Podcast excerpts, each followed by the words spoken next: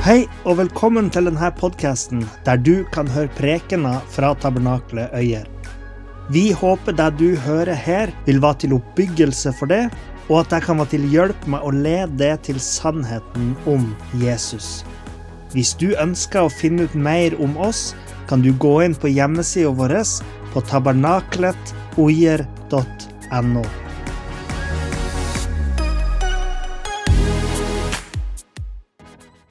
videre det som vi snakker om. Vi kjenner du rører ved våre hjerter, og lar Åndens kraft være over oss, som bekrefter det skrevne ordet. Takk for at vi har ditt ord. Det er fastere enn alle opplevelser. Vi priser deg, Guds ord, som en klippe i vel og i ved, står fast, står fast om bergene viker. Takk, Jesus, at du velsigner undervisningen også nå i Jesu navn. Amen. Vi snakket om disse dagene ut ifra Hosea 6. Etter to dager gjør han oss levende. På den tredje dagen reiser han oss opp. Og det er jo sånn, da, som jeg nevnte, at det har en trefoldig oppfyllelse, slik jeg ser det. Det er altså Kristus, hans død, hans oppstandelse. Og det er vår oppstandelse med ham. Og det er også den jødiske opplevelse av å få livet på den tredje dagen når Messias kommer ned. De har fått landet, men de skulle bli født på ny. Og det skjer også på én dag. Så også Jesaja 66,8, som vi leste om den ene dagen, kan det bli født et folk på én dag. Også på den dagen, den ene dagen, skjer det under at hele Israel blir frelst på én dag. De ser jo ikke at Jesus er deres Messias. Flertallet. Men eh, det er enkelte, enkelte jøder som ser det. Og da blir de med i den skare sammen med oss, for det er det gjeveste. Det er å være med i den skaren som kalles lammets brud.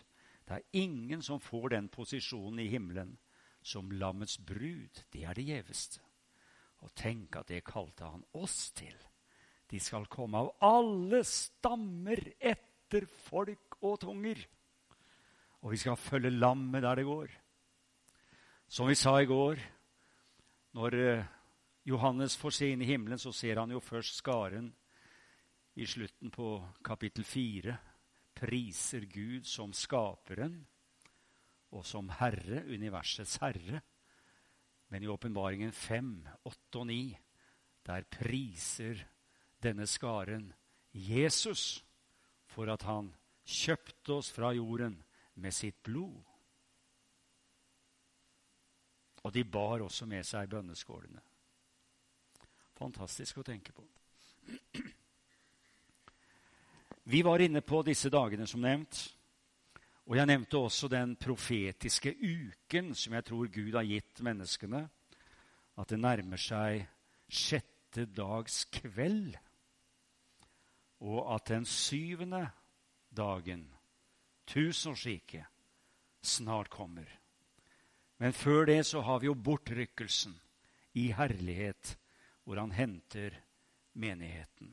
Og det har jo til og med Jesus selv sagt. Har han ikke det? Og det var noe av det siste han sa. La oss minne om det før vi ser litt mer på den tallsymbolikken og det er en profetisk kraft i den bibelske tallsymbolikken. Men du må se det. Du må oppdage det. Det må bli åpenbart i hjertet. Verdens beste matematikere ser ikke det automatisk. Men når Gud åpenbarer det i hjertene, så får du en nøkkel. Men hør hva Jesus sier, så vi har det klart for oss.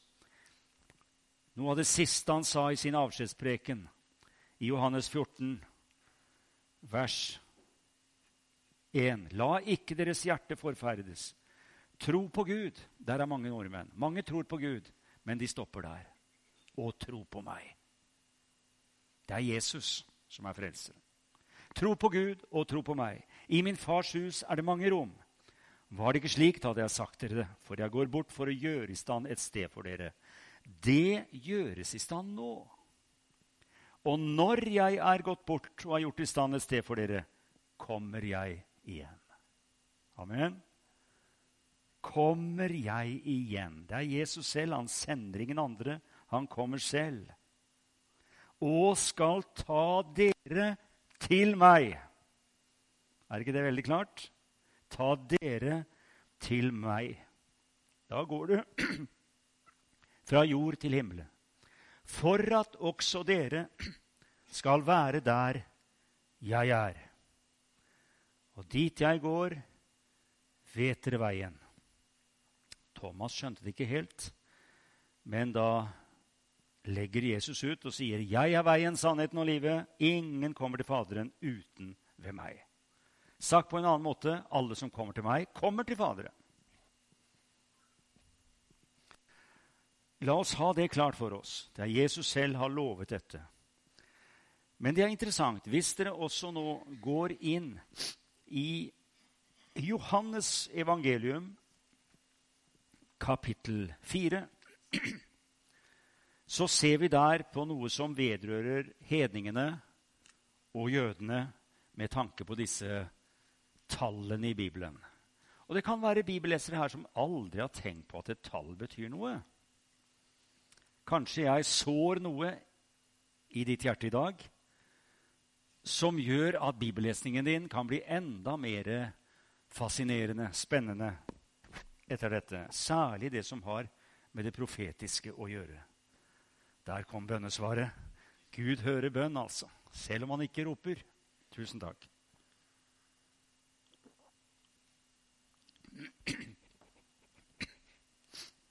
Johannes 4. I slutten der Dere husker, det er en beretning som forteller om den samaritanske kvinnen. Se også litt fra begynnelsen. For en samaritan var i jødenes øyne som en hedning. Det var et blandingsfolk som var så oppblanda på Jesu tid at de var urene i jødenes øyne. De var som hedninger. Og vi ser her at det var ikke vanlig for jøder å dra gjennom Samaria. De dro utenom. Men eh, da Jesus forlater Judea og skal opp igjen til Galilea Ser dere kartet foran dere? Så ligger jo Samaria imellom. Men Jesus, han måtte da reise gjennom Samaria. Det gjorde jo ikke jøder, men jøden Jesus gjorde det. Og Da kommer han til en by i Samaria som heter Sykar. Og der kjenner vi historien. Bør ikke gå for mye detaljer. Han møter denne kvinnen, samaritanske kvinne, syndig og uh, uverdig. Hun uh, gikk ut når de andre hadde sin siesta, og hvilte i byen. Da stjal hun seg ut for å hente vann. Hun ville ikke gå når folket var aktive i byen. Hun var lei de lange, fordømmende øyekastene fordi hun levde utesvevende. Og så får hun helt sjokk, for på brønnkanten sitter det en mann, og han er endog jøde. Og hun kan ikke begripe, for det står i vers 9 hvordan kan du som er jøde, be meg, en samaritansk kvinne, om å få drikke? Jøder har ikke samkvem med samaritanere. Men Jesus hadde jo en gave å gi henne. Ikke sant? Og så utfordrer Jesus henne. Så sier han i vers 16.: Gå og rop på mannen din, og kom så hit. Jeg har ingen mann. Du skjønner, Jesus var ikke her ute etter å fordømme og avkle henne og gjøre livet vanskelig. Han var ute for å frelse, men det er sannheten som setter i frihet. Så han ville ha henne til å erkjenne sin synd. 'Jeg har ingen mann.' Da sier Jesus, 'Med rette, sa du, 'Jeg har ingen mann', for du har hatt fem menn, og den du nå har, er ikke din mann. Tenk på det. Kanskje hun tenkte 'Hvem har sladret om meg?' Men ingen hadde sladret. Jesus kjenner hjertene. Og det, som sagt, det var ikke for å fordømme. Det var for å hjelpe. Der talte du sant. Å, Herre, jeg ser at du er en profet. Og så ser vi nede i vers 22. Frelsen kommer fra jødene. Hvorfor nevner jeg dette? Jo, hun hadde seks menn. Seks er menneskets tall. Seks er syndens tall. Husk på det. Det er menneskets tall, og det er syndens tall. Så dyrets merke for eksempel, og dyrets tall Det står i Åpenbaringen 1318. Dyrets tall er 666. Og når du har noe tre ganger, det er den største effekten. Fire, da daler det igjen. Men tre, da er du på topp. Kunne nesten tro at han derre Arbeiderpartipolitikeren visste det. vet du. Fagbevegelsen, fagbevegelsen, fagbevegelsen, sa han. Det fikk jo en voldsom kraft. vet du.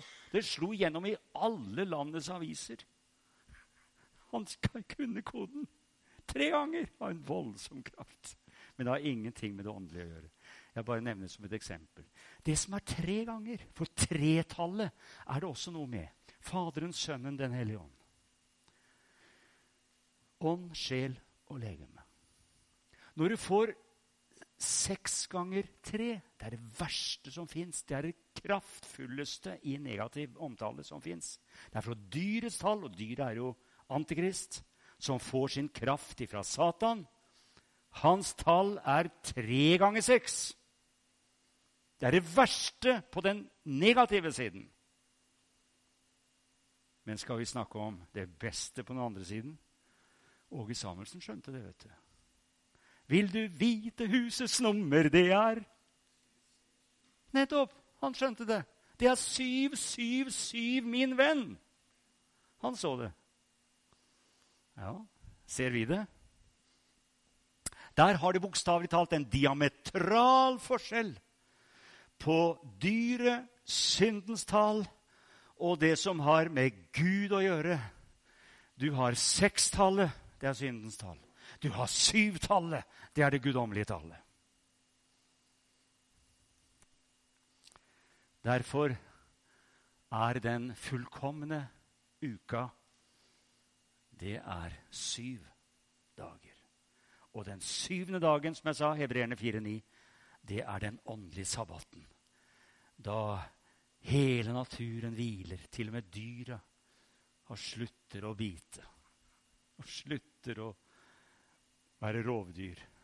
Tenk på Jesaja 11, profetiene. Barna leker ved huggormens hule. Løve og bjørn sammen. Det er jo helt ubegripelige profetier. Sånn vil det bli i tusenårsriket, for Herrens kunnskap skal dekke jorden som vannet dekker havets bunn. Men vi er ikke der ennå.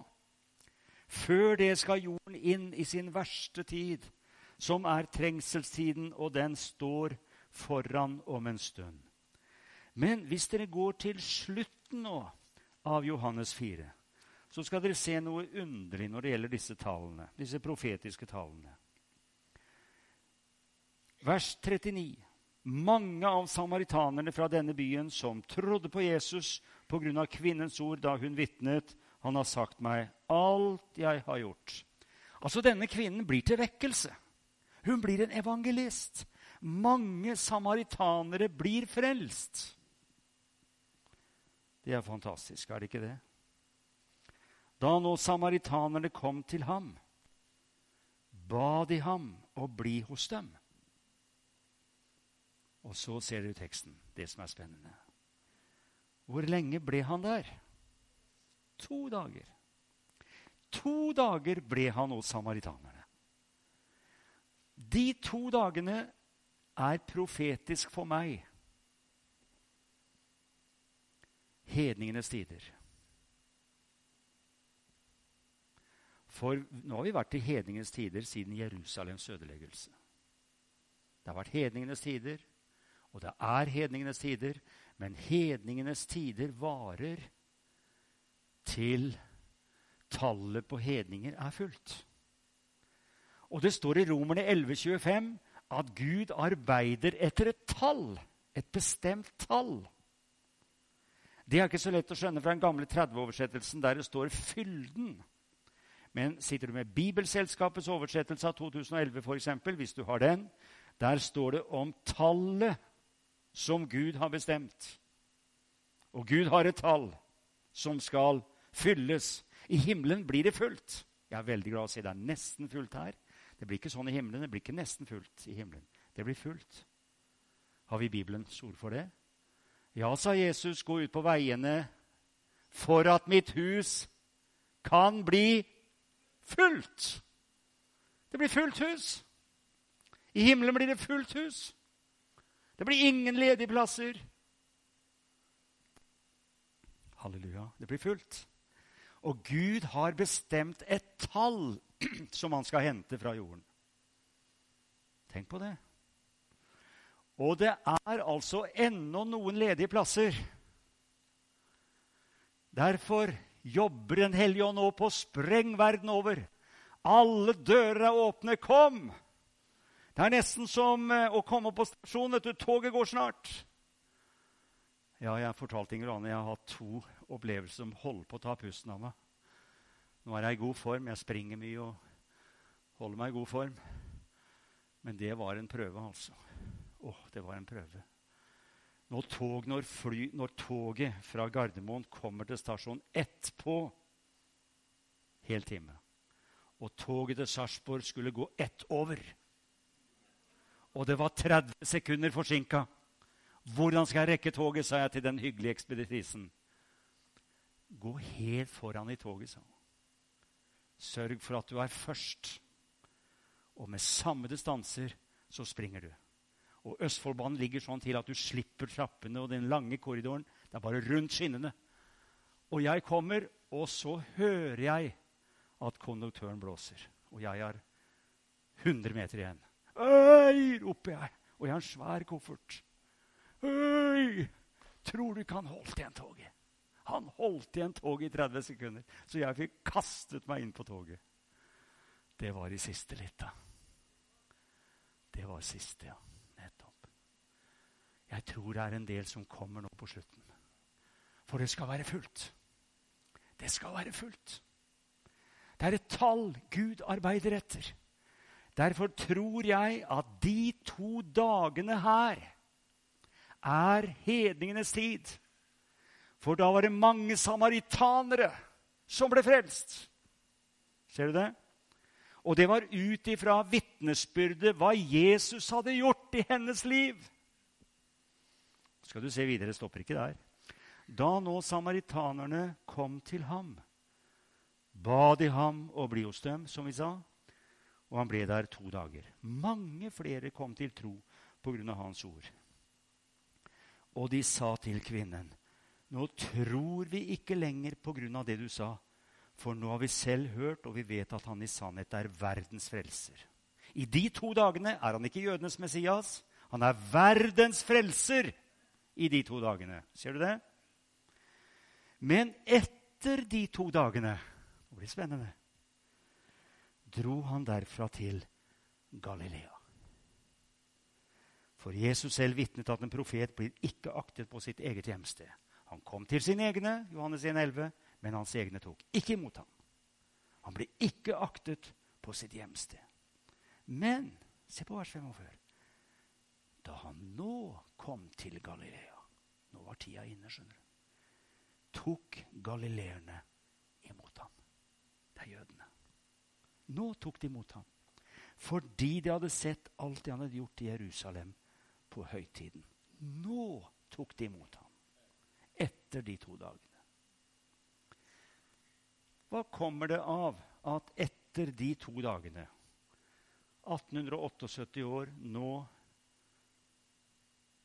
er vi snart inne på 2000. Vi er jo på 2020, men det er etter kalenderen. ikke sant?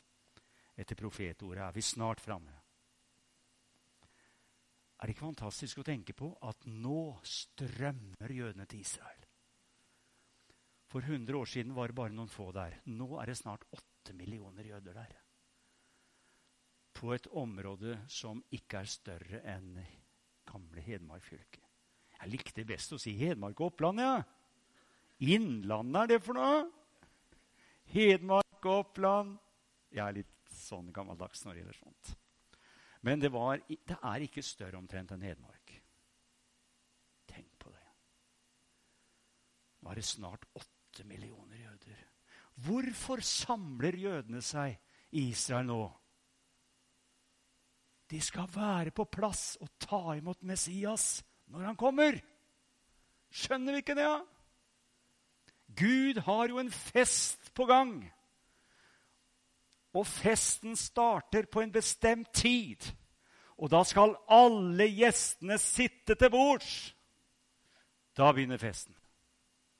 Vi vet ikke akkurat når, men vi ser nå hvordan jødene strømmer til Israel. Og at Gud har bevart dem som jøder, er et mirakel uten land. Det er et mirakel. Og jeg gikk på den gamle engelsklinja vet du, på gymnaset på 60-tallet. Engelsklinja. Der lærte vi om the melting pot. The melting pot, smeltedigelen. Og vi lærte om de norske emigrantene og andre lands emigranter. USA var jo the melting pot. Det var smeltedigelen. Etter to-tre generasjoner lærte vi, leste i bøkene, så var det ikke lenger nordmenn og svensker. Så det jeg skrev nå om utvandrerne i siste korsets seier. De var ikke lenger nordmenn og svensker etter to-tre generasjoner.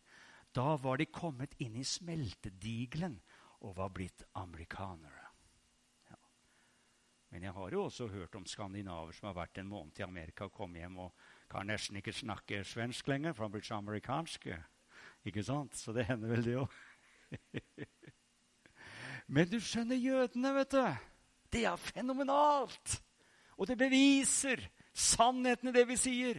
Jødene er jøder ennå.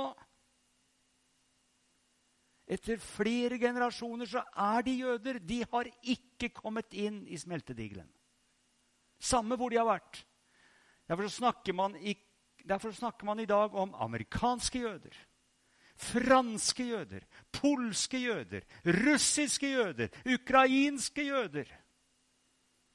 Norske jøder, for den del. De er jøder. Det der er fantastisk. Og de strømmer da fra hele verden tilbake til landet som de fikk av Herren. Og det er de som sitter med skjøta på eiendommen. Ja, det er det. Politikerne tar feil når de sier at Israel har okkupert. Det er, det er feil. Men de vil ikke høre. Det er en demonisk makt i antisemittismen som gjør at de kobler ut tankene og fornuften. Til og med dyktige folk som Kåre Willoch og sånn, flotte folk som kan så mye, skjønner ikke at ut ifra folkeretten og det som ble etablert fra 1917, 20, 22, så har Israel rett på de landområdene de har. De har ikke gjort noe gærent. Det er landet som Gud har lovet dem. Og jeg tenker det er et mirakel, dette med, med land og jødene. La meg bruke et bilde.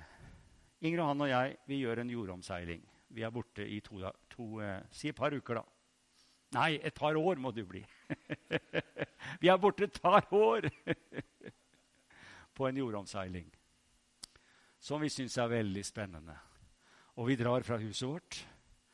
Og etter en stund så er det noen som går forbi og har gått forbi det huset flere ganger. Oi, her er det ledighet. Det er jo ikke folk her. Går og titter inn i vinduene. det er jo tomt hus. Ja, men her kan vi ta inn med alle barna våre. Så tar de inn i det tomme huset som vi har reist ifra. Tingene står jo der, men det er jo ikke folk her.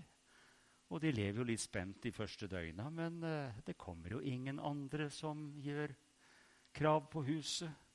Og etter hvert så slår de seg ned Og det blir på en måte deres, tenker de. Og etter to år så sier Inger Johanne og jeg å, nå blir det godt å komme hjem. Å, kom hjem til huset vårt. Tenk så deilig. Nå kan vi hvile ute. Og vi kommer inn i gården. I all verden. Det er jo folk her. Hva er det for noen folk ja, Men alt er jo fremmed. Her står en trehjulssykkel og fremmede gardiner. Hva er dette for noe? Og vi låser oss inn og treffer fremmede folk. Så sier vi 'Det er vårt hus'. Deres hus? Nei, det er, det er vårt. det. Det sto tomt, og vi kom her og vi kikka på det huset, og vi har flytta inn. Det er vårt hus! Vi har bodd her i to år!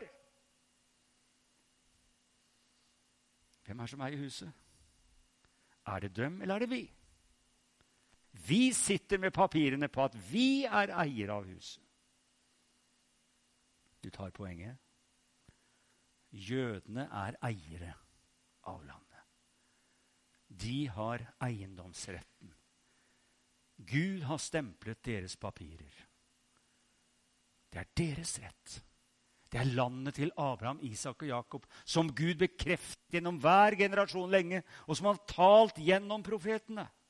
Det er et tegn i tiden. Et mektig tegn i tiden.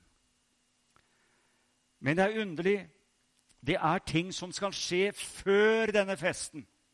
Gud samler jødene, og det er ikke lenge, men det er en skjebnetime før det. Og her må vi se veldig tydelig hva Bibelen sier. Det ligger noe foran, og det er det som kalles trengselstiden. Og hvis du ser i Matteus 24 Matteus 24 så taler Jesus om den tiden, og den tiden har ennå ikke kommet. Men det er jo mye fælt som skjer, og det er mye trengsel. Og kristne opplever trengsler som bare det, ikke minst nedover i disse Midtøsten-regionene. Og der hvor islam har veldig makt, så vet vi at det koster å være en kristen. Det gjør det. Men eh, Jesus sier noe i Matteus 24 at det er prisen faktisk å betale fordi de er av hans folk. Og han sier i vers 9.: Dere skal hates av alle folkeslag for mitt navns skyld. Vi kan tenke som kristne. Vil vi oppleve det mer og mindre? Nå har det vært en tid med ingen eller lite forfølgelse i Norge, i Skandinavia, til dels i Europa. Det har vært under andre himmelstrøk. Men jødefolket, globalt sett, hvor jødene har vært, så har det vært en forfølgelse. Og så kan du gå fram til kapittel 24 og se på vers 21. Han snakker om at det kommer en trengsel så stor som det ikke har vært fra verdens begynnelse til nå, og heller ikke skal bli. Det kommer altså en trengselstid. Dersom ikke de dagene ble forkortet, da vil ikke noe kjød bli frelst. Hva betyr det? Det betyr at Gud setter en stopper for trengselstiden for at mennesker skal overleve. Det er ikke frelse i Jesu navn. Det er ikke den frelsen han snakker om. Han snakker om at ikke noe kjød skal overleve. Menneskene ville slette ut seg sjøl. Og det fins bomber og atombomber så mye at man kan slette ut jorda flere ganger. Så mye er egentlig lagret. Men for de utvalgte skyld, og det er jødefolket, skal de dagene bli forkortet. For du skjønner, jødefolket skal ikke utslettes. De får voldsomme prøvelser. Og det har med dette at de forkastet sin Messias, og Gud har bestemt hvordan dette skal skje. Men så skal Gud tørke tårene, og så skal Gud frelse men det koster egentlig veldig mye å være jøde også i denne siste tid. Men Gud har lovet at de ikke skal gå til grunne. Og Jeg begynte å lese på første Mosebok 1. januar, og nå er jeg kommet til 5. Mosebok 4. Og jeg huska ikke at der står akkurat det jeg sier. Så jeg fikk en bekreftelse i dag på dette. Og når du ser i vers 30, 5. Mosebok 4, 30, når du er i trengsel og alle disse tingene kommer over deg i de siste dager, da skal du omvende deg til Herren din Gud og høre på Hans røst. For Herren din Gud er en barmhjertig Gud. Han skal ikke slippe deg og ikke la deg gå til grunne. Han skal ikke glemme pakten med dine fedre, som han stadfestet med ed. 5. Mosbok 4. Er det ikke fantastisk? Gud har lovet at de ikke skal gå til grunne, men det blir en trengselstid som Gud setter en stopper for for at jødene ikke skal bli utsletta. Han forkorter trengselstiden. Og vi har fått lengden. Lengden står omtalt, den. Det er tre og et halvt år. Én tid, tider og en halv tid. Det var Daniel 9, 27. Og det var Daniel 12. Og Bibelen sier det også på en annen måte i Åpenbaringen 13,5. Der står det at trengselstiden skal vare i 42 måneder. Åpenbaringen 13,5. 42 måneder. Og 42 måneder, det er jo 3,5 år. 12, 12, 12 og 6. Og Bibelen er så nøyaktig at han til og med teller dagene og sier 1260 dager. Og du må huske på at det bibelske året har ikke 365 dager. Det bibelske året har 360 dager. Og tar du 360, 360 og 360 og 180 så kommer du til 1260 dager. Nøyaktig som Bibelen sier i Åpenbaringen 11,2. Fantastisk. Og når det gjelder Åpenbaringen 11,2, det ellevte kapitlet der, omtaler den første delen av fengselstiden på syv år. Det er da de to vitnene kommer fra himmelen, og det blir en type vekkelse, selv om vi er i himmelen. For det blir mange frelst i trengselstiden òg, skjønner du. Det blir mange frelst da. Ja, Men er det frelse å få da? Så lenge sola skinner.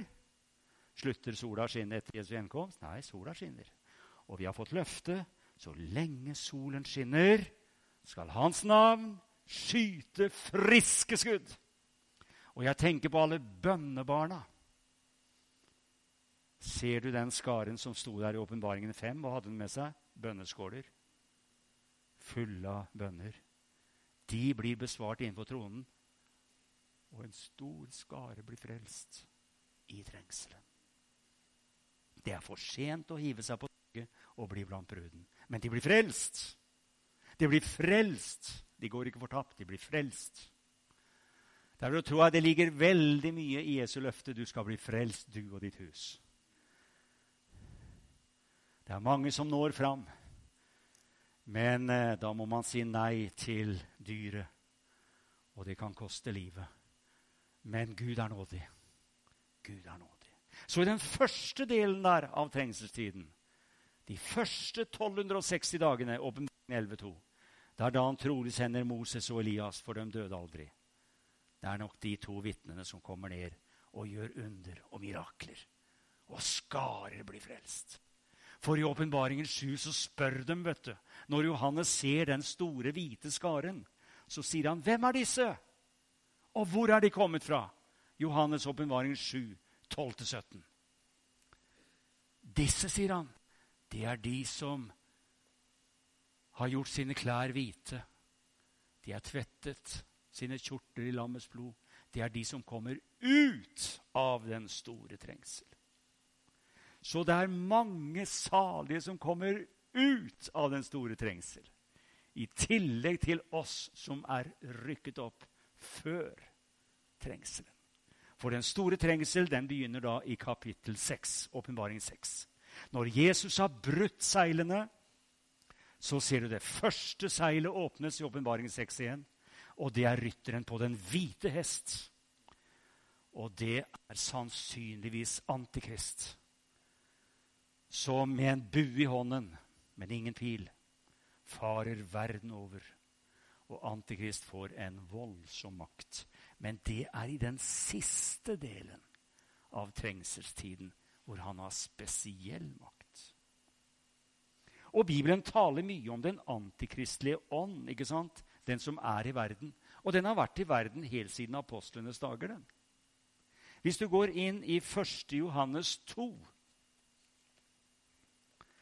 1. Johannes 2 Der sier Og vi kan gjerne minne hverandre om at det er kjærlighetens apostel som sier dette. Men han har kjærlighet til mennesker, han har kjærlighet til sannheten. Og han taler veldig sterkt og gripende om dette med Antikrist. Og han sier i 2 vers 13 Og jeg ser det er fin blandet forsamling her med tanke på alder. Hør hva Johannes sier. Jeg skriver til dere barn 2.12. Jeg skriver til dere fedre 2.13.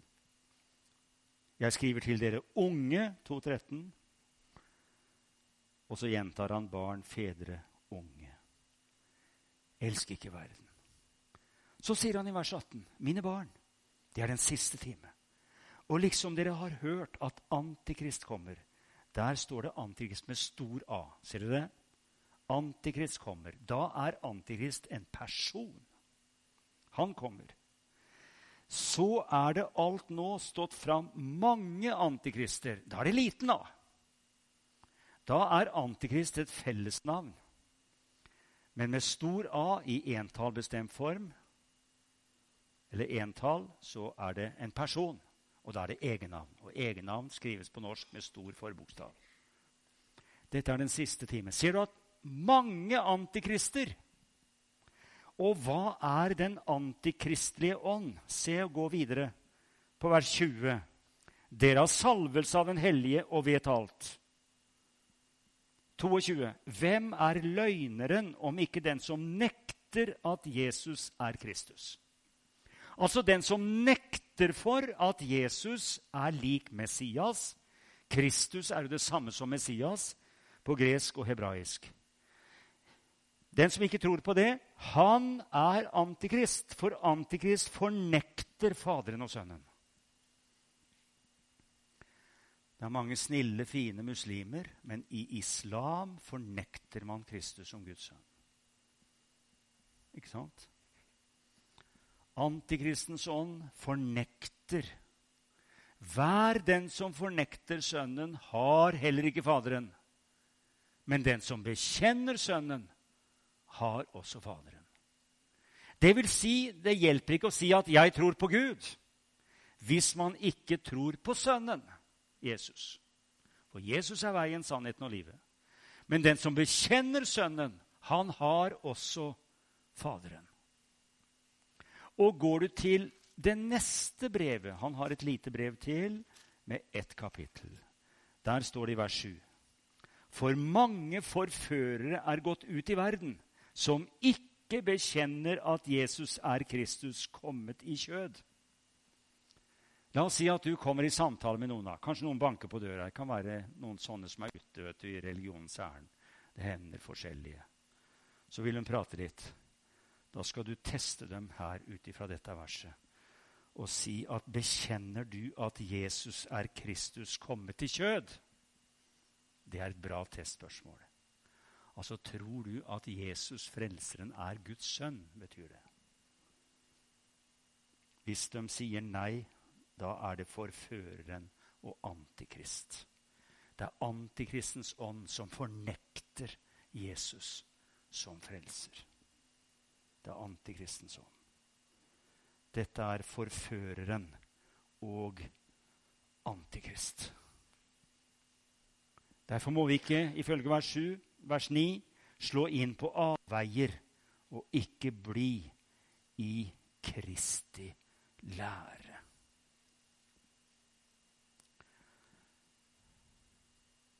Og det er mange som er ute med sitt budskap i dag. Men det er viktig å ha denne opplevelsen av Jesus som Guds sønn. Husker du det står om fariseeren Saulus, som fikk sitt nye navn og ble Paulus?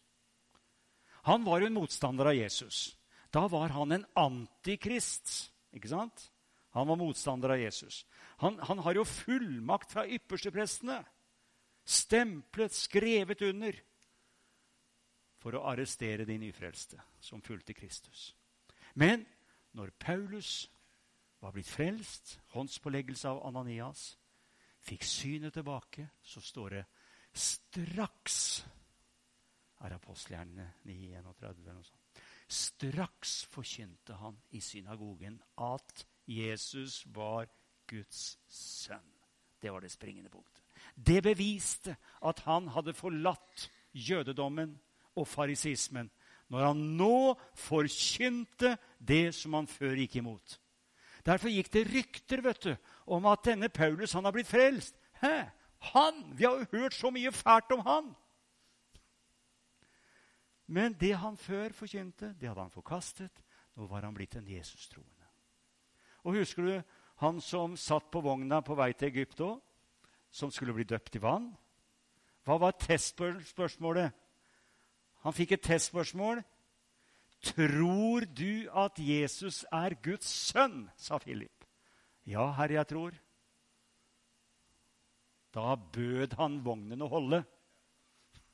Det var en holdeplass. Litt gammelt språk. vet du. Han bød vognen å holde. Det var holdeplass. Der stansa vogna. Og han døpte ham. Ja. Jeg sa til Inger Johanne nesten, det var nesten litt morsomt. òg. det var litt snakk om dåp i Korsets seier for noen uker siden. Vet du. Selvfølgelig skal vi døpe folk som kommer til troen. Uansett hvordan det tidligere har vært. Selvfølgelig skal vi det. Så minte jeg Inger og han om da vi innvidde den nye Filadelfia-kirken i Sarpsborg for 20 år siden. Den er helt praktfull. vet du. Åh, for en Filadelfia-kirke. Stor, herlig, nydelig dåpsbasseng. Baptisteri, sa sognepresten da han var der og hilste. Jeg gratulerer dere med baptisteriet, sa han. Og jeg håper at veldig mange eh, blir døpt i baptisteriet deres, sa han. Og så sa han. Og hvem vet, kanskje jeg en vakker dag havner der sjøl, sa han. Det er bra, vel. Så hvorfor skal pinsevenner slutte å snakke om dåp? Nei, vi må forkynne dåp. Så sognepresten og flere blir døpt. Det glemmer jeg aldri, han sa. Jo da, det er fantastisk. Vi vet og vi tror på Jesus Kristus. Men så er det sånn, vet du, når tiden er inne, så kommer selve Antikrist. Han kommer. Men det er noe som holder igjen. Det er noe som holder igjen. Det er nesten nå, nå, nå lider det mot slutten. altså. Det er noe som holder igjen. Hvem er bremsekloss? Det er vi. Ja, det er vi. Og hvis du går inn i andre Tessaloniker brev, kapittel 2, så er Paulus veldig tydelig akkurat på dette her. Han skriver her om de siste tider, og han snakker om han snakker om frafallet, som jeg sa i stad, i vers 3. La ingen bedra dere på noe vis. Først må frafallet komme. Lovløshetens menneske skal åpenbares, fortapelsens sønn. Han er den som står imot og opphøyer seg over alt som blir kalt Gud eller helligdom. Og en dag skal han også sette seg i Guds tempel og gi seg ut for å være Gud. Minnes dere ikke at jeg sa dere det da jeg var hos dere? Så sier han i vers 7.: Lovløshetens hemmelighet er alt virksom, bare at den som nå holder igjen, må bli tatt bort. Jeg tror at den som holder igjen for antikristens fulle åpenbarelse, det er menigheten. Jeg tror det er Kristi brud, så lenge vi er på jorda, for vi er verdens lys sa Jesus i Johannes 5, 14. Dere er verdens lys. Og fordi vi er verdens lys, så lyser vi. Og det er veldig intensivering av bønn også i Norge for tiden. Rett ned på Grimerud ved Hamar er det jo kjempesamlinger i dag, i morgen, om bønn. Bønn for landet. Og det bes veldig nå, altså, for Norge. Og hvem vet om ikke Gud sender på nytt en himmelsendt siste vekkelse over Skandinavia? Det er mye som kan tyde på det. Han Sebastian i Sverige, dere har hørt om han rapperen som har blitt frelst. Han er jo et utvalgt redskap. Når han kom i fjor, satte opp teltet. Man måtte politidirigere trafikken. Og det, det, det sto i svenske aviser det har ikke vært sånne teltmøter i Sverige på 50 år. Alle, til og med sterke pinsevenner og menigheter, pakka bort teltet for 20 år siden, for teltmøtenes tid var slutt. Men nå må de ta fram teltene igjen og begynne å sy! Og sette opp teltene. Når Sebastian kommer, så sprenges det av folk. Det er like mange på møtene hans som det er på Sarpsborg stadion når de spiller mot Rosenborg. Det er jo fenomenalt! Kommer disse tidene tilbake, har vi snakka om. Kommer vekkelsestidene tilbake. Dette kan ikke mennesker skape, men det skjer ved Guds ånd. Og det kan skje som et svar på bønn. Å, Gud er mektig, dere. Gud er mektig. Han kan røre folk opp gjennom dalen. Halleluja. Og i byene. Han er mektig. Det er noe som holder igjen. Så Antikrist ennå er uåpenbaret, for å si det sånn. Og det er menigheten. Men når vi blir tatt bort, da vil fortapelsens sønn vise seg som den han er. Og jeg tenker i begynnelsen er det en sjarmoffensiv. Hvis jeg tolker det riktig, så vil han gjøre en pakt med jødene. Og de tror at det er Messias, og så er det en antimessias. Men midt i uken Det var det jeg leste i går fra Daniel 9, 27. Midt i uken, den 70. årsuka, som begynner å tikke og gå når Jesus henter menigheten. Da kommer den uka. Og det er den siste delen der som er den store trengsel. Og da er det digitale kommet så langt, som vi snakka om, at åpenbaringen 13 kan oppfylles trolig på de vilkårene som jeg var så vidt inne på i stad, men nevnte i går. Gå til åpenbaringen 13. Jeg så et dyr stige opp av havet. Det hadde ti horn og sju hoder. Og så ser vi at dette dyret, det har sin kraft fra noe. Akkurat som Jesus fra Nasaret hadde sin kraft fra Gud. Apostelgjerne 10, 38. Gud salvet Jesus fra Nasaret med Den hellige ånd og kraft som gjorde at han kunne gå omkring og gjøre vel, og det skjedde under. På samme måten er djevelen en etterligner av Gud. Jesus virket i tre, tre og halvt år. Det er et profettegn ut ifra profeten Elias, som ba at det ikke måtte regne på tre og halvt år. Og du ser djevelen han forsøker å etterligne det. Og du ser her at Dyret har sin kraft ifra dragen. Ser du det i 13.2? Og da må vi stille spørsmål hvem er dragen? Vi bør ikke tolke, vi kan bare lese Bibelen. Og går du til kapittel 12, kapittelet foran, så står det hvem dragen er i vers 9. Den store dragen ble kastet ned. Det er den gamle slangen, han som kalles djevelen og Satan. Han som forfører hele verden. Han ble kastet ned på jorden, og hans engler ble kastet ned med ham. Det er demonene. Det er dragen.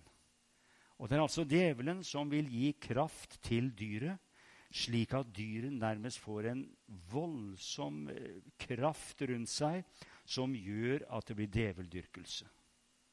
Se vers 3. All jorden undrer seg og følger etter dyret. Hele verden. Tror dere vi er her da? Tenk på Guds universale menighet. Det er millioner på millioner av mennesker. Hundrevis av millioner troende. Det er jo 500 pinsekarismatiske troende. 500 millioner. Pluss alle andre kristne. Tror du vi er her i den skaren og følger dyret? Langt derifra. Vi er rykket opp i kapittel 4. Vi priser Gud i kapittel 5. Så åpner Jesus seilene fra kapittel 6. Og så går jorden inn i sin domstid. Vi høster det vi sår, vet du. Tenk på Galaterne 6,8. Den som sår i kjødet, høster fordervelse. av kjødet. Men den som sår i ånden, høster evig liv av ånden. Og her ser du hele verden i denne trengselstiden når vi er rykket opp. Hele verden skal følge dyret. Og de tilber dragen. Hele verden tilber dragen. Det er djevelen. Det blir altså djeveldyrkelse. Fordi den hadde gitt dyret makt. Og de hyller dyret. Hvem er lik dyret, og hvem kan stride mot det? Der ser du de setter mennesket øverst. De setter mennesket øverst. Som jeg nevnte i stad, nå strammer Kina grepet voldsomt imot de kristne. Så kommer koronaviruset. Ja. Er det Gud som gir kineserne et lite tegn? Vær forsiktig nå! Vi vet ikke. Det kom så brått. Ingen kan svare på det. Det ble gitt dyret se på hvert fem, en munn som talte store og bespottelige ord. Og her kommer det jeg sier. Det ble gitt dem makt til å holde på i 42 måneder. Det åpnet sin munn til spott mot Gud, til å spotte hans navn og bolig og dem som bor i himmelen. Se på vers 8. Alle som bor på jorden, skal tilbe det. Hver den som ikke har fått sitt navn skrevet i livets bok hos lammet som er slaktet fra verdens grunnvoll, ble lagt. Og vi ser at den som ikke gjør det, i vers 15, den som ikke gjør det, han må bøte med livet. Det er en mulighet til å slippe unna. Men vi ser her at dyrets tall, dyrets merke, det er det siste verset 18 der, det er 666. Og dette her er interessant. Dette er interessant. Anti betyr jo imot. Og det er, det er ille nå at norske barn lærer så lite om Jesus og Bibelen. Det vokser nå opp ungdommer i Norge som Man vet ingenting. Hvis man ikke er fra et kristent hjem, så vet man ingenting. Og det er trist. Det er alvorlig. Og vi ser det er en veldig åndskamp. Det er en veldig åndskamp. Antikristens ånd, den er veldig virksom. Og vi ser, syns jeg, det strammer seg litt til.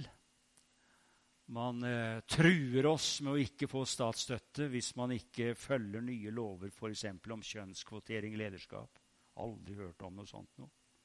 Og du ser at nå er de veldig på hugget, flere altså. Den filmen som ble laga, hva het den igjen? Det var et angrep på oss kristne, og særlig pinsevenner. Jeg har vært pinseforkynner i over 50 år.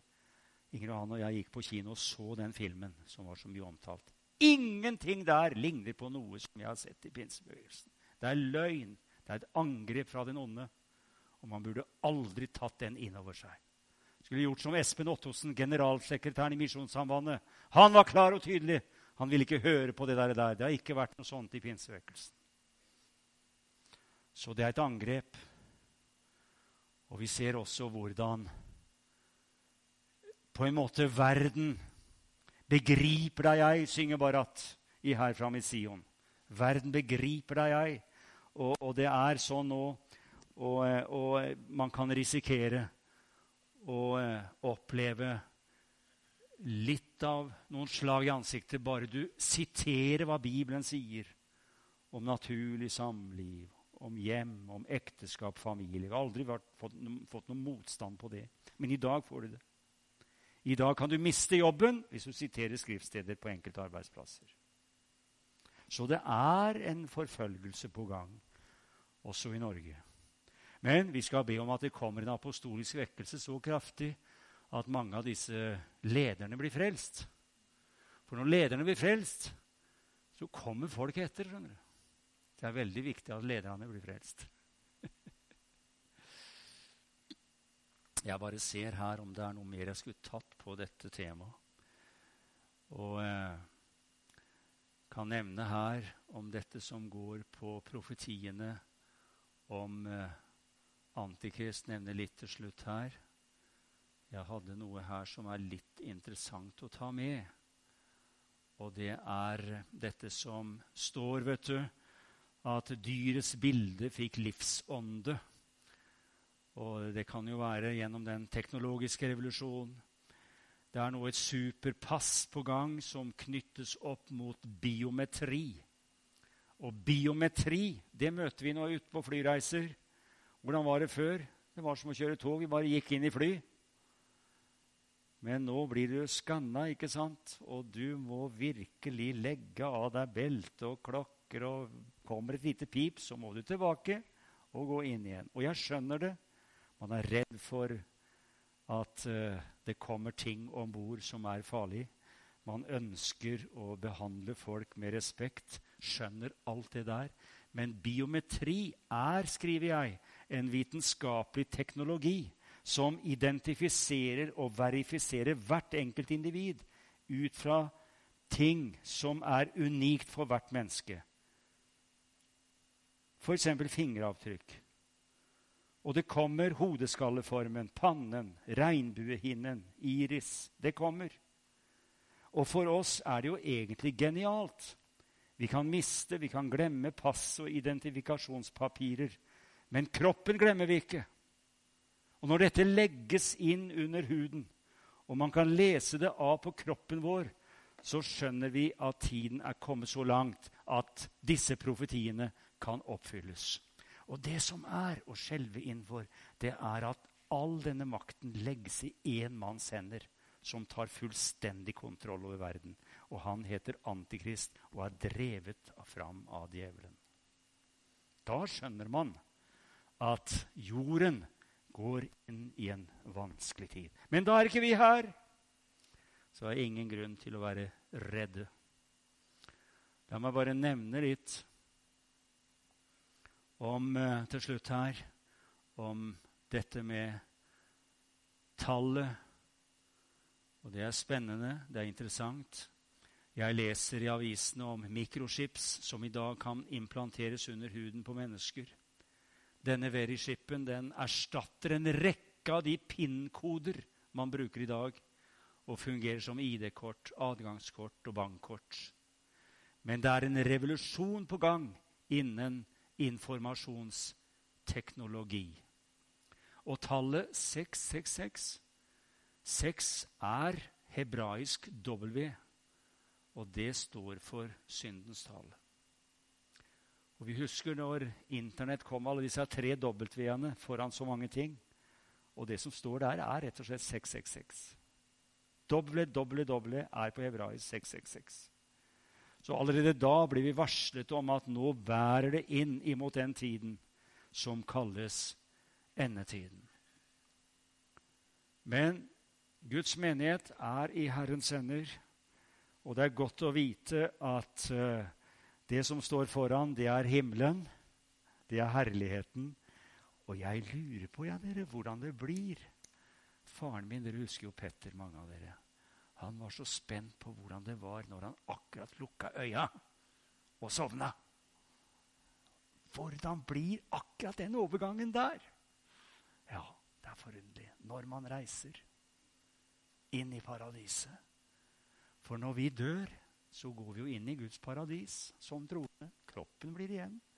Men ånden flytter ut av kroppen. Tenk på det. Og kroppen vår, den brytes jo ned den brytes ned. Men ånden vår er like frisk. Vi har fått barnekårets ånd, og den roper 'Abba, far'. Romer 8, 16. Den roper 'Abba, far'. Barnekåret har du fått i ånden, men kroppen din har ikke fått barnekår ennå. Det må vi vente på. Derfor står det i Romerne 8, 23, 24, 25 Også vi som har fått åndens førstegrøde, også vi sukker sukker med oss selv. Vi har det sukket fordi kroppen vår eldes mens ånden er like frisk. Ikke sant? Og da vil det bli mer og mer problemer med kroppen når ånden er like frisk. Men når Jesus kommer, så flytter jo ånden ut av kroppen, går hjem til Gud, mens kroppen blir værende igjen. Når vi dør, altså. Men når Jesus kommer, der har du forskjellen. Når vi dør enkeltvis, så blir jo kroppen værende igjen, og ånden reiser. Og det er begravelse etterpå. Av kroppen. Men vet du hva faren min sa? Husk på det, ja. Jan og Terje. Vi fikk i oppdrag å dele på begravelsen. Husk på det å si det, altså. At jeg er ikke oppi den kista der. Det er bare kroppen min. Hils fra Petter og si at han er reist. Der hvor det står på gravstenen, borte fra legemet, 2. Korinterne 5,8, og hjemme hos Herren. Takk og lov. Sånn er det, altså. Sånn er det. Men når Jesus kommer, da henter han oss ikke bare åndelig som når vi dør. Ellers hadde det jo blitt massebegravelser etterpå av hundrevis av millioner mennesker. for de døde kroppene lå igjen. Nei da! Da blir nemlig barnekåret for kroppen utlevert. Der det står i Romerne 8 at det stunder vi etter legemes forløsning. Det ligger i Golgata-verket, og Jesus må ikke gjøre noe mer. Men det han må gjøre, det er å komme og hente oss. Da tar han med kroppene våre. Og ikke bare våre, men han går til og med ånden går ned i gravstedene, i alle gravsteder, og henter opp. Henter opp de døde i Kristus. Om det bare er støv igjen, der hvor de ble lagt, der står de opp. Der hvor du satte tulipanknollen i fjor høst, der kommer oppstandelsen. Hvis du spredte dem i haven, så står de spredt opp. Samlet du dem i klaser, så står de opp i klaser. Det såes et naturlig legeme, det oppstår et åndelig legeme. Det såes i skrøpelighet, det oppstår i herlighet. Det såes i fornedrelse, og det står opp i kraft. For en dag, sier jeg. Det er når Jesus kommer. Og vi skal ikke være redde for den dagen. Blir jeg med? Ja, han kommer for å hente dem som venter på ham. Og som sagt, lev et naturlig liv, men vær halleluja under Jesu blod. Ingen kan rive oss ut av Guds hender. Jeg er trygg hos ham, synger barna. Jeg vil bli hos ham. Bli hos oss, sa Emmausvandrerne. Ja, bli hos oss. Det stunder mot aften, og dagen heller. Den Herre Jesus Kristus, han vil være hos oss. Han vil være sammen med oss. Og når han kommer, så kommer han med kraft. For vårt rike, Filipperne 3, 20 og 21, vårt rike er i himlene. Og derfra venter vi over Herre Jesus Kristus, Han som skal forvandle vårt fornedrelseslegeme, så det blir likt med Hans herlighetslegeme etter den kraft hvormed Han òg kan underlegge seg alle ting. Jeg hadde en begravelse for De frie venner Eløy kirke i Moss nå denne uka her. Så sier de til meg vi ønsker ikke sånn jordpåkastelse. De vil ikke ha det. Kanskje dere vil høre Barrats ord? Det Barrat lærte predikanten å si. Ja, hvordan lyder det, sa de. Jo, hvis dere vil ha det, så kommer jeg til å si dette. her. at vi overlater nå herved avdødes legeme til jordens varetekt mens vi venter på vår Herre Jesu Kristi komme i herlighet for å hente alle sine. Og så siterer jeg Peter, det som du leste, om at vi er født på ny til et levende håp ved vår Herre Jesu Kristi oppstandelse fra de døde. Det vil vi ha, sa de. og da ble det sånn. Det fant de trøst i. Kjære Jesus, vi takker deg. Takk for frelse, takk for fred. Takk for at vi har en god samvittighet. Du har renset oss fra våre synder. Vi har alle sammen gjort noen feil. Vi har alle sammen gjort ting vi angrer på. Vi har snublet på veien, alle. Men vi takker deg for at det er mulighet for å bli renset i Jesu blod. Takk for din nåde, Herre. Takk at du er nådig og god, og din miskunnhet er ny hver morgen. Takk at vi får leve under ditt hellige blod. Og vi ber for folk på dette stedet. Vi takker deg for at du vil møte folk på dette stedet, i byen og oppover i dalen. Du er mektig, Herre. Møt vårt land. Møt kongen, Herre, som hadde bursdag i går, og sin kongehuset. Sign storting og regjering. Møte folkevalgte, Herre. Og signe Norges befolkning, så vi vender oss til Gud fra avgudene og tilber deg, Herre. Velsign og møt den norske ungdommen som vokser opp. Vi priser deg at du har hørt våre bønner i Jesu navn. Amen. Takk for at du hørte på. Hvis du tok et steg i tro i dag, eller du har noe du ønsker forbønn for, så vil vi gjerne høre ifra det via e-postadressen kontaktalfakrølltabernakletoier.no. Du er òg velkommen til våre ukentlige gudstjenester i menighetslokalet i Haugskutua 5 26 36 Øyer.